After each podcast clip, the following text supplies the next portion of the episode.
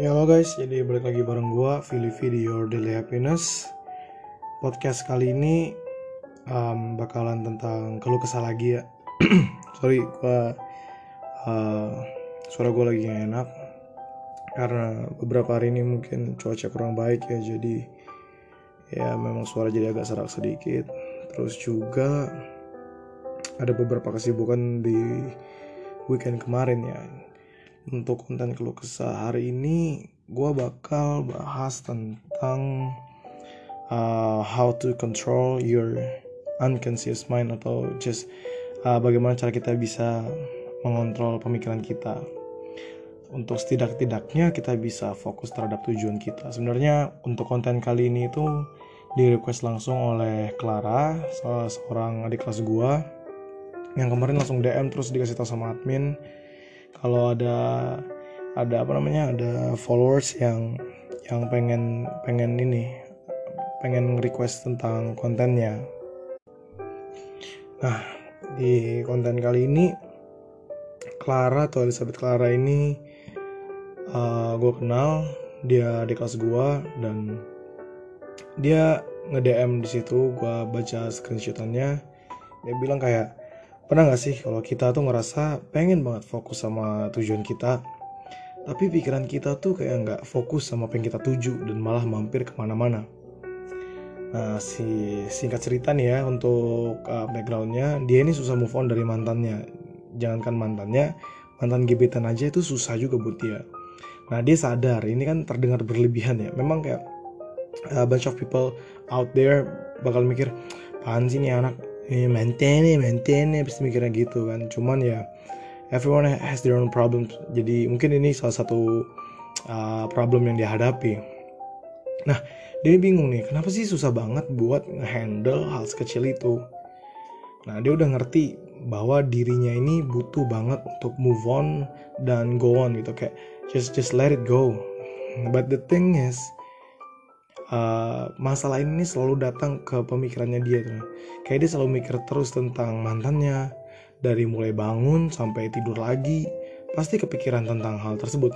Nah, bahkan dia sudah berkali-kali usaha untuk setidaknya bisa melupakan atau gimana pun lah intinya. Yang dia udah coba ya.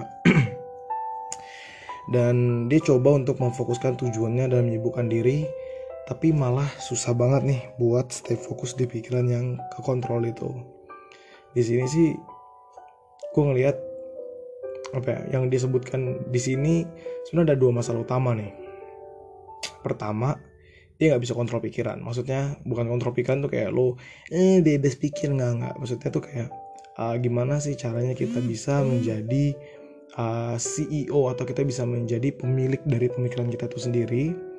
Dan dia bilang bahwa dirinya butuh move on dan tapi sampai sekarang dia masih berpikiran tentang mantannya ini ya Oke, jadi gini, gue bakal ngomong dari sudut pandang gue, dari pengalaman gue, dan juga dari uh, podcast lain atau mungkin video-video yang pernah gue tonton di YouTube oleh orang-orang yang memang gue kagumi. Gini, sebenarnya fokus pada tujuan itu bukan hal yang sulit karena tujuan karena tugasmu adalah fokus. Kayak misalnya nih kamera. Kamera itu yang kayak misalnya uh, eh, DSLR ya. Kalau kamu uh, mempotret suatu objek misalnya dinding gitu dia bisa uh, melaksanakan autofocus. Jadi dia langsung kayak tiba-tiba dia memfokuskan dia menyesuaikan setiap settingannya untuk bisa fokus kepada suatu objek tertentu. Dan kita bisa menjepretnya seperti biasa Begitu pula ketika objek dinding tadi dimasuki oleh orang. Misalnya tadi ada dinding kosong aja tiba-tiba ada dua atau tiga orang dan kita berharap ada agar objek yang dia fokuskan itu adalah dua tiga orang ini. Ketika dia mempotret tiga orang ini dengan dinding di belakangnya pertanyaan gue simple banget nih. Dia fokusnya ke mana dia fokus kepada dinding polos yang ada di belakang, atau dia fokus kepada tiga orang yang ada di depan tadi. kita nggak akan tahu. Kenapa kita nggak tahu? Simple. Karena ketika mempotret, kita nggak tahu yang tukang jepretnya ini memfokuskan kepada yang mana. Bayangin bahwa kamera ini kita, pemikiran kita, dan tukang yang mempotret itu diri kita. Ketika kita mempotret tadi dan memfokuskan fokus sang kamera itu kepada tiga individu di depannya, bukankah dia akan memberikan kesan blurry kayak apa ya kayak di belakang itu lebih blur dibandingkan apa yang difokuskan benar tidak jika memang itu benar maka pertanyaan selanjutnya adalah apakah ketika dia berfokus kepada tiga objek tiga individu tadi maka dinding di belakangnya hilang apakah dengan kamera tadi kita menjepret tiga orang di depannya maka dinding yang tadinya ada langsung puff hilang. Tidak, dindingnya nggak akan hilang. Dindingnya tetap di situ. Benar-benar masih ada di situ tadi dindingnya. Cuman apa bedanya? Tidak ada titik fokus kepada dinding tersebut. Di sini, baik itu pemikiran negatif, pemikiran positif, pemikiran netral, atau apa pun yang kamu pikirkan, tidak akan pernah hilang dari dirimu dia akan pernah hilang gak akan kayak tiba-tiba puff hilang gitu nggak akan dan itu setidaknya bisa memberikan gambaran kepada kamu yang tadi request atau teman-teman sekalian para pendengar Your Daily Happiness bahwa kita nggak bisa nih kita nggak bisa menghilangkan negativity atau pemikiran-pemikiran negatif yang kita miliki hanya dikarenakan kita tidak menginginkannya tidak bisa Terus pertanyaan lanjutnya adalah gimana dong kita ngilanginnya? Gimana dong kita bisa bisa lebih fokus sama tujuan kita? Nah, kelihatan kan ada dua hal yang berbeda. Pertanyaan pertama bagaimana menghilangkan negatif thoughts tadi, pemikiran-pemikiran yang negatif, dan yang kedua adalah bagaimana kita tetap bisa fokus ke suatu tujuan tertentu misalnya gitu. Oke, kita bahas satu-satu dulu dari menghilangkan negativity tadi ya. Sebenarnya untuk menghilangkan negativity, negativity itu susah-susah gampang. Karena susahnya dua kali disebut berarti lebih susah dibanding gampangnya. Cuma tau gak sih ada kayak uh, hal yang kontra banget dari dari pandangan kita terhadap negativity.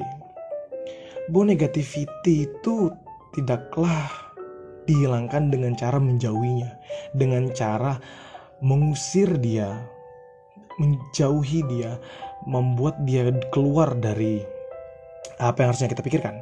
Tidak seperti itu. Kalau tidak, karena apa? Karena ketika kita berusaha untuk tidak memikirkannya, kita berusaha untuk membuangnya jauh-jauh, kita berusaha untuk memberikan batasan-batasan di pemikiran kita untuk tidak memikirkan negativity itu. Yang terjadi adalah kita semakin memikirkannya. Kita semakin terbelenggu dengan permasalahan tersebut kita semakin terbelenggu dengan pemikiran itu gak percaya gampang coba kamu sekarang tutup mata jangan pikirkan tentang gajah Jangan pikirkan tentang gajah berwarna biru. Jangan pernah pikirkan tentang gajah berwarna biru. Buang jauh-jauh pikiran tentang gajah berwarna biru. Coba pikirkan yang lain, tapi jangan pikirkan gajah yang berwarna biru semakin kamu berusaha untuk tidak memikirkan gajah berwarna biru, semakin terbayang gajah warna biru itu ada di otak kita. Uh, tes itu gue tahu dari seorang psikolog, I forget misalnya gue waktu itu entah nonton di YouTube atau gue baca di Quora, tapi seperti itu. Lo pasti bakal mikirin tentang gajah warna biru tadi. Dan jujur ketika pertama kali gue lakuin, gue juga mikir gajah warna biru. Yang di akhir-akhir gue bisa mikir gajah warna hijau sebenarnya Nah, sekarang gimana dong kalau tadi nggak bisa kita nggak bisa buang jauh-jauh? Cara satu-satunya kamu bisa mencapai suatu kebebasan dalam berpikir, menghilangkan negativitinya itu, adalah dengan kamu menerimanya sebagai sebuah pemikiran. Bukanlah hal baik atau buruk ya, bukan.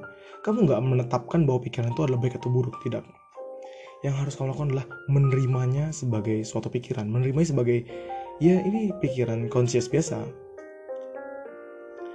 setelah kamu menerimanya kamu menganggap hal itu biasa just jangan cuma jangan berikan kayak attention memberikan perhatian lebih terhadap hal tersebut. Kamu hanya menerima sebagai pemikiran biasa. Pernah gak sih kalau salah kamu pikir kayak kapan sih aku jadi orang kaya? Eh, enak juga jadi orang kaya ya. Atau anjir capek lah jadi orang kayak gini-gini aja. Atau eh gue nggak bisa berkarya nih atau apa. Itu sebenarnya pikiran kan. Gak, bukan pikiran yang baik bukan pikiran yang buruk tapi cuma sebatas pikiran. Di mana kita masih mampu secara sadar untuk mengontrolnya begitu pula dengan negativity yang menjadi permasalahannya adalah berapa rentang waktu yang dibutuhkan untuk mampu menerima seutuhnya. Nah, itu tergantung apakah pemikiran yang negatif ini masih dalam bentuk conscious, masih dalam alam sadar kita, atau sudah masuk ke uh, unconscious, di mana kita secara tidak sadar gitu. Apa sih bedanya? Ya gampang bedanya misalnya uh, sebenarnya ini uh, seperti habit ya, habit kebiasaan-kebiasaan kita dalam berpikir. Misalnya sebelum tidur kita selalu berpikiran tentang uh, cinta gitu. Kita lakukan itu selama 20 hari, 40 hari, 2 tahun, 3 tahun, terus menerus sebelum tidur kita memikirkan cinta. Hal tersebut tertanam di otak kita, masuk di alam bawah sadar kita yang akhirnya kita selalu berpikiran tentang cinta, cinta, dan cinta. Begitu pula dengan orang yang berpikiran untuk kaya, kaya, dan kaya. begitu pula untuk orang berpikiran untuk korupsi, korupsi, dan korupsi. yang menjadi menariknya dari uh, unconscious kita ini adalah hal tersebut bisa kita break, kita bisa patahkan itu dengan apa? Dengan membuat uh, unconscious yang baru. Cuman di sini karena permasalahannya adalah tentang hubungan maka bisa gue asumsikan kamu punya pengalaman-pengalaman yang memang indah ketika memiliki hubungan dengan mereka sebelum jadi mantan ini. Uh, dan pengalaman-pengalaman itu selalu kamu coba untuk ingat-ingat baik itu sebelum kamu tidur baik itu kamu ceritakan ke teman-temanmu baik itu kamu rasakan setiap harinya baik itu menjadi mood boostermu atau apa pun itu. Yang menjadikan pengalaman-pengalaman indah dengan orang ini tertanam di alam bawah sadarmu. Di mana ketika kamu lagi sedih, kamu berpikiran tentang dia. Di mana ketika kamu lagi bahagia, kamu pasti dibagikan karena dia.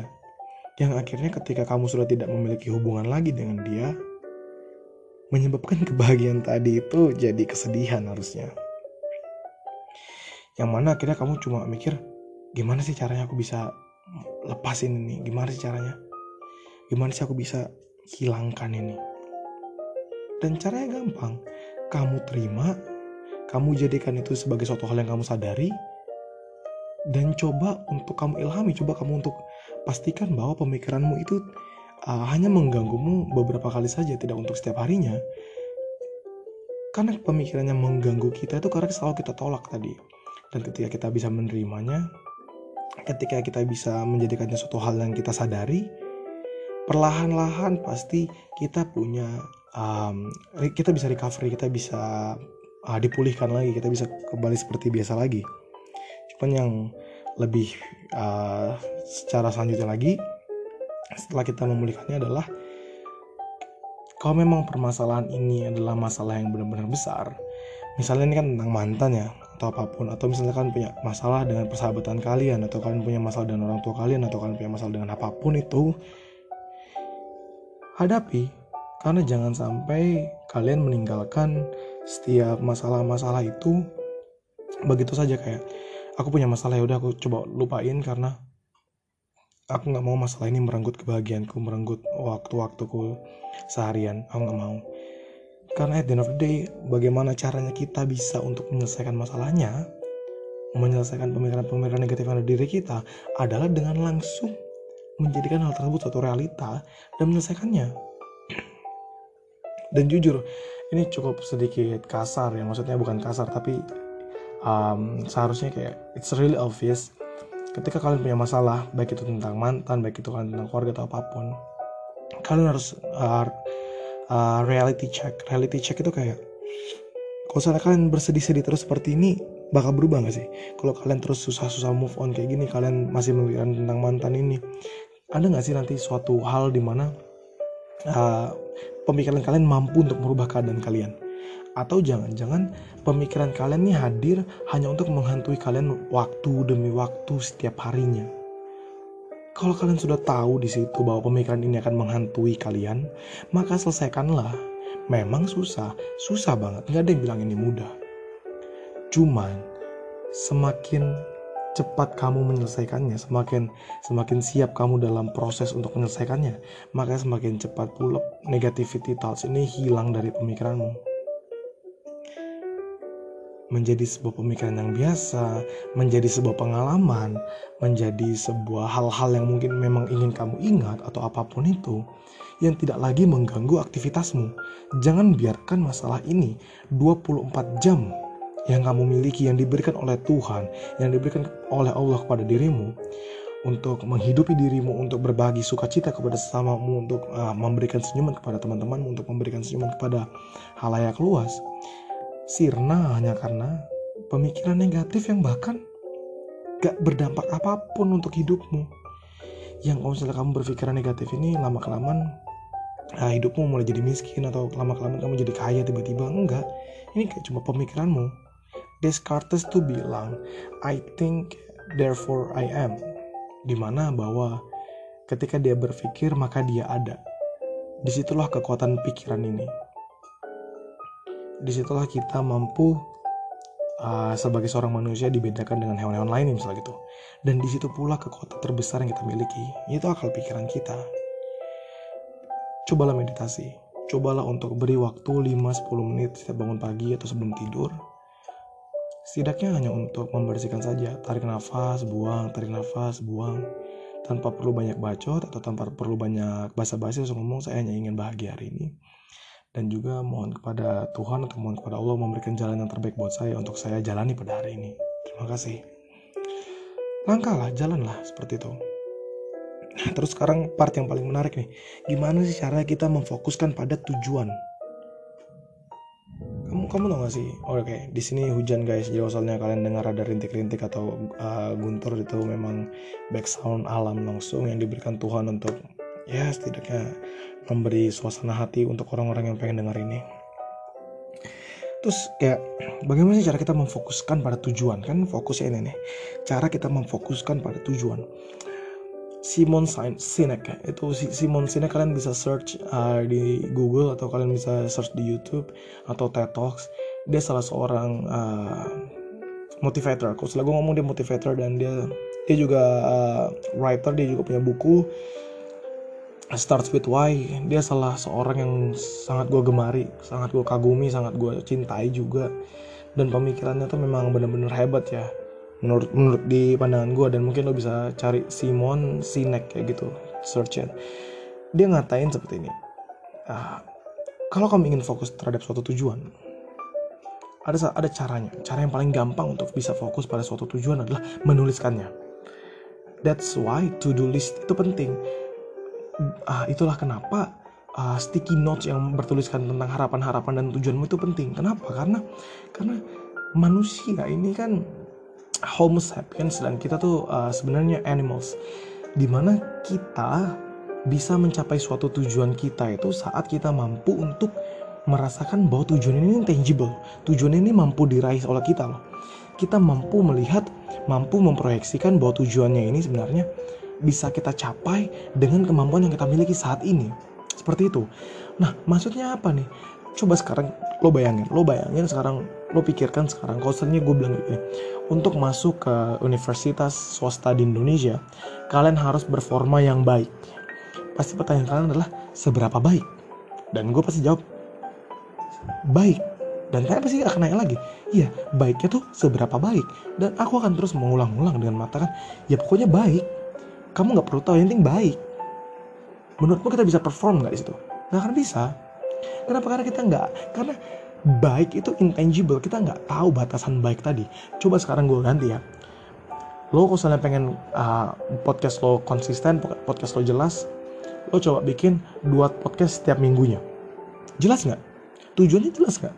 Jelas. Yaitu adalah gue harus membuat dua podcast setiap minggunya di mana gue bisa secara konsisten membuat podcast-podcast ini gue bisa melihat tujuan gue di mana. Oh Phil lu minggu ini harus bikin dua podcast. Itu jelas gue bener-bener bisa ngelihat gue bisa merasakannya gue bisa pegang tujuan itu di hidup gue kalau misalnya lo punya tujuan misalnya gue pengen sukses itu intangible bro. Gue pengen kaya itu intangible. Lo nggak jelas lo nggak tidak menjelaskan. Itulah kenapa kita ada resolusi. Itulah kenapa terkenal banget adanya to-do list. Itulah kenapa ada uh, banyak aplikasi yang berkaitan dengan uh, pembuatan to list seperti itu karena memang untuk mencapai tujuan untuk bisa fokus pada tujuan kita maka kita harus menuliskannya. Dan juga kita berkomitmen untuk melaksanakannya seperti itu. Ketika kita men men membuat suatu komitmen membuat suatu tujuan yang perlu kita perhatikan adalah kemampuan kita untuk menggapainya uh, sources sources yang kita miliki dan juga apakah tujuan tersebut tangible seperti itu misalnya nih lu kan saat ini sedang kuliah nih dan lu uh, pengen berfokus pada gue pengen um, IPK semester gue ini 3,6 misalnya gitu. Nah itu tangible itu jelas terlihatnya. Di situ lo breakdown lagi apa yang cara apa caranya agar lo bisa mencapai 3,6 itu? Pertama akademik harus bagus dong harus minimal nilainya A misal gitu atau B B A B plus atau apa pun itulah di di tempat kuliah lo. Atau lo bilang gini gue pengen banget buat mulai bisnis gue nah ketika lo bilang pengen banget buat mulai bisnis lo breakdown itu pengennya tuh pengen apa? Lo pengen bisnisnya buka lo pengen bisnisnya berkembang lo pengen bisnisnya apa? Misalnya gue pengen banget bikin bisnis um, bisnis bisnis popcorn gitu. Oke akhirnya lo buka bisnis popcorn. Terus lo punya lagi nih tujuan-tujuan lainnya. Gue pengen engagementnya naik nih. Misalnya gue punya 1000 followers dalam satu bulan. Gue punya uh, basis fans yang berminat uh, untuk untuk membeli barang gue atau gue punya reseller nih gue pengen kayak punya 5 resellers dalam waktu 10 bulan kayak gitu itu tangible itu jelas tujuannya dalam lo membuat itu jelas lu bisa loh menggapai itu. Sekarang pertanyaan gua untuk kalian. Apakah berpikiran negatif masuk dalam tujuan kalian? Apakah dalam mencapai IPK 3,6 berpikiran negatif ada di situ? Apakah dalam membuka bisnis berpikiran negatif ada di situ? Apakah di tujuan kalian itu ada tulisan saya harus berpikiran negatif? Ada nggak? Kalau lo ngerasa ada, silakan. Tapi gue yakin mayoritas yang mendengarkan kata-kata gue pasti akan menjawab tidak ada karena memang tidak ada yang negatif benar-benar tidak ada yang negatif loh tidak ada sedikit pun kalian berpikiran bahwa tujuan kalian itu diisi oleh hal-hal negatif oleh karena itu maka ikhlaskanlah temuilah berdamailah dengan kenegativitasan itu. Ketika kalian bertemu sama hal-hal negatif baik itu pemikiran kalian keadaan kalian ya sudah. Kalian deal with it kalian hadapi. Karena apa? Karena at the end of the day memikirkan negatif itu, memikirkan mantan, memikirkan persahabatan kalian yang bobrok, memikirkan uh, kondisi-kondisi perekonomian yang bobrok, memikirkan tentang uh, keluarga kalian yang hancur lebur misalnya seperti itu. Tidak ada tidak ada sedikit pun uh, ketika uh, dalam tujuan kalian tidak ada breakdown dari tujuan kalian yang berisikan hal tersebut. Oleh karena itu, mereka tidak layak, pemikiran-pemikiran itu tidak layak untuk ambil andil dalam kehidupan lo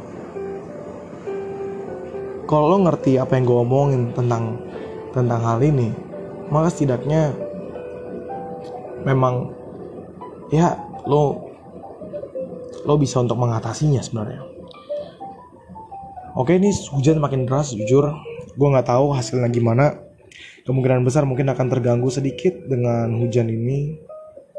Tapi yang bisa gue pastikan mungkin Tuhan mendengar uh, curhatan hati gua yang pengen berbagi pengalaman di sini yang sudah menghadapi jutaan masalah yang dan masih ada puluhan juta lagi ke depannya. Masalah-masalah yang harus gua hadapi.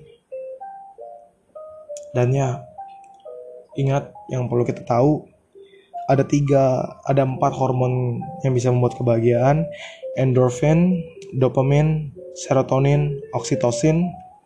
Dan ada lagi satu yang bikin kita selalu anxiety cortisol Lihat, dari empat hormon yang membuat kita bahagia, ada satu hormon yang membuat kita bisa ketakutan, membuat kita menjadi khawatir, membuat kita menjadi ragu. Anxiety ini, cortisol, ini bukan pelajaran biologi ya. Ini gue gue tahu karena gue nonton aja. empat tadi melawan satu Simon Sinek ngomong kita mampu kita punya loh empat hormon kebahagiaan ini dan kita juga punya satu hormon yang membuat kita menjadi ragu membuat kita takut ini. Tapi kamu tahu nggak? Kalau Tuhan itu baik. Karena beliau ngasih satu hormon tadi nih, kortisol ini. Tahu nggak gunanya buat apa? Kortisol ini yang membuat kita terjaga. Yang membuat kita aware, yang membuat kita lebih lebih was-was terhadap lingkungan sekitar. Dan yang paling penting, hormon kortisol ini yang membuat kita tetap hidup. Dia yang membuat sisi kita untuk bertahan hidup menyala. Dan kita nggak pernah kan suntik keluar kortisol untuk berharap biar kita nggak ragu-ragu setiap harinya kita nggak pernah kan berharap Tuhan cabutlah kortisol dari diri saya, Tuhan cabutlah anxiety dari diri saya. Karena dalam hal yang terburuk seperti kortisol ini, dia yang menjaga kita untuk tetap bisa bertahan hidup.